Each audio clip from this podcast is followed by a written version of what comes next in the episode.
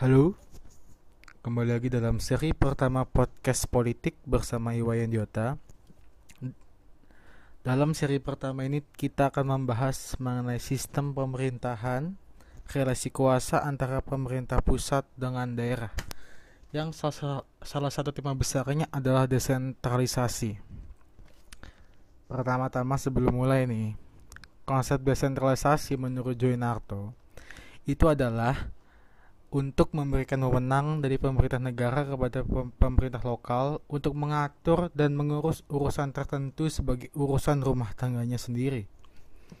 Lebih lanjut dijelaskan bahwa desentralisasi diatur dalam pasal 18 ayat 1 Undang-Undang Dasar Republik Indonesia 1945 yang berbunyi negara Indonesia dibagi atas daerah-daerah provinsi dan daerah provinsi itu dibagi atas kabupaten dan kota yang tiap-tiap provinsi, kabupaten, dan kota itu mempunyai pemerintah daerah sendiri yang diatur oleh undang-undang. Lebih lanjut lagi, mengenai desentralisasi itu adalah pemberian otonomi daerah secara luas, nyata, dan bertanggung jawab. Nah, dari sini nih muncul istilah namanya otonomi daerah. Otonomi daerah itu dapat diartikan sebagai hak untuk mengatur dan mengurus rumah tangganya sendiri oleh satuan organisasi pemerintah di daerah.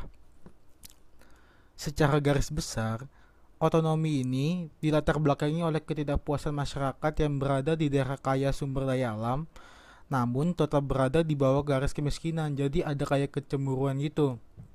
Hal ini sejalan dengan pernyataan Lord Acton mengenai kekuasaan otonomi daerah sejatinya lahir sebagai upaya untuk membongkar sentralisme kekuasaan. Nah, uh, sebelumnya kan sudah dijelaskan soal sentralisme zaman Hera Soeharto.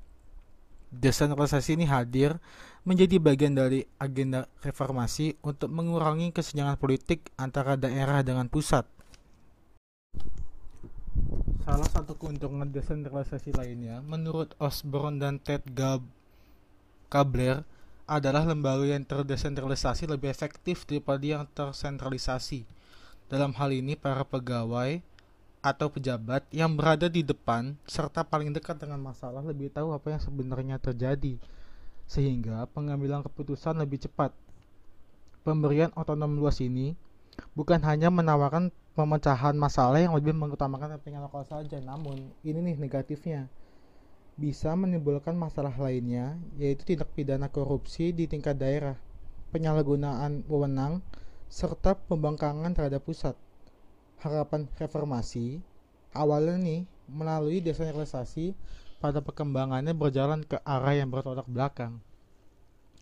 Pelimpahan kewenangan yang begitu besar dari pusat kepada daerah dapat memunculkan power yang berlebihan sehingga memunculkan oligarki lokal serta pembangkangan daerah kepada pusat. Oligarki lokal ini sudah muncul dari zaman awal reformasi dahulu. Desentralisasi dilakukan serta dimotori oleh politik regional, daerah-daerah.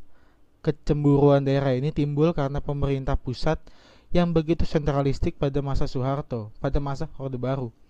Contohnya itu, dalam kasus fiskal 1999, pemerintah pusat mengumpulkan 94% dari pendapatan pemerintah secara umum dan sekitar 60% dari pengeluaran daerah dibiayai oleh transfer pusat.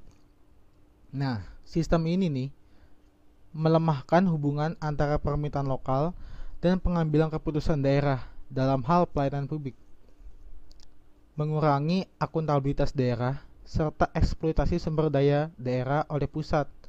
Tetapi sebaliknya, tidak ada timbal balik yang signifikan da dari daerah. Hal ini memunculkan ketidakpuasan serta kekecewaan kepada pemerintah pusat, sehingga timbul gelombang protes menuntut perimbangan kekuasaan dengan proyek desentralisasi ini. Nah, sekarang masuk pada bagian desentralisasi menyuburkan korupsi. Pelimpahan kewenangan yang begitu besar pun bukan hanya memunculkan oligarki lokal saja, yang menciptakan raja-raja kecil di daerah, namun juga tren korupsi yang meningkat di skala pemerintahan daerah.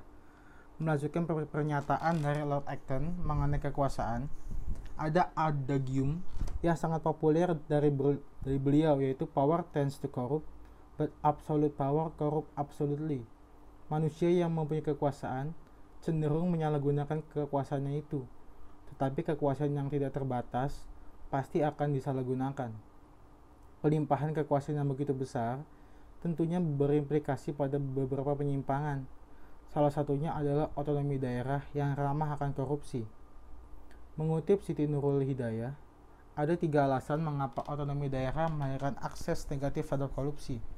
Otonomi daerah cenderung hanya terfokus pada pelimpahan wewenang dalam membuat kebijakan, pengelolaan keuangan, serta administrasi birokrasi dari pusat ke daerah. Hal ini memunculkan peluang untuk mengakses sumber ekonomi dan politik bagi para elit lokal yang sedang berkuasa.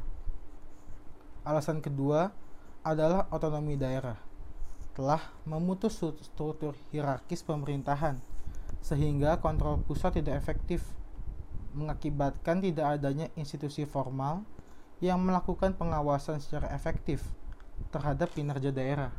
Alasan ketiga adalah gagalnya legislatif daerah dalam menjalankan fungsi sebagai pengontrol kekuasaan.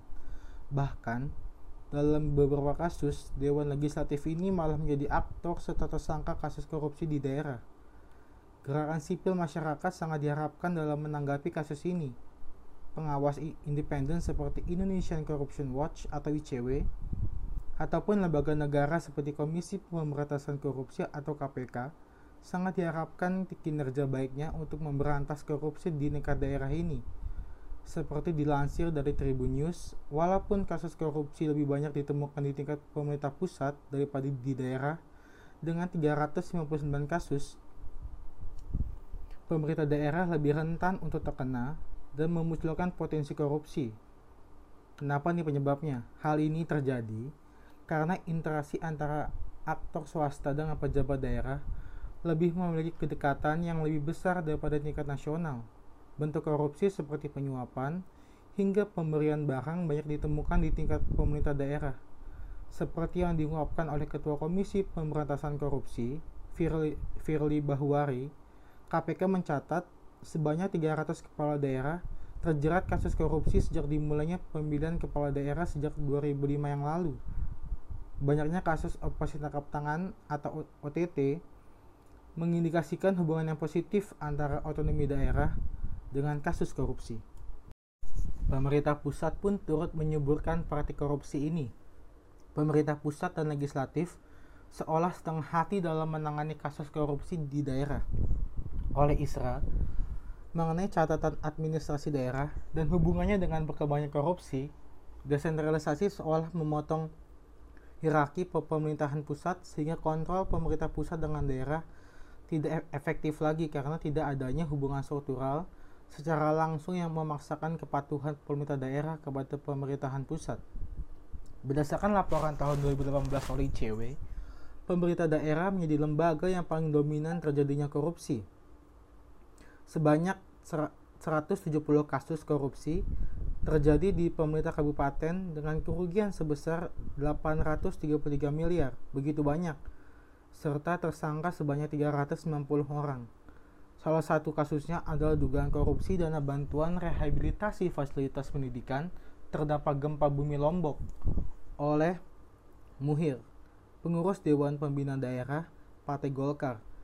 Kasus yang syarat kemanusiaan ini seharusnya dapat diminimalisir oleh Inspektorat Daerah atau pemerintahan pusat. Hal ini menunjukkan perlu adanya pengawasan dari pemerintahan pusat terkait dengan bantuan-bantuan dana sehingga potensi kerugian dapat diminimalisir. Penutupnya nih, desentralisasi memiliki banyak manfaat yang berkaitan dengan agenda semangat reformasi. Namun, ada baiknya perlu melihat beberapa kekurangannya yang berpotensi melahirkan penyimpangan merugikan negara.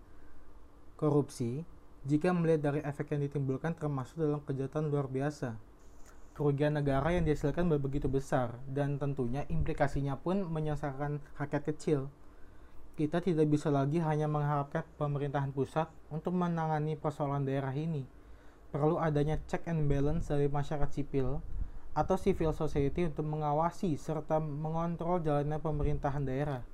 sehingga tidak ada lagi markup anggaran, penyalahgunaan wewenang, dan oligarki lokal yang arogan serta korup. Setidaknya, meminimalisir hal tersebut terjadi.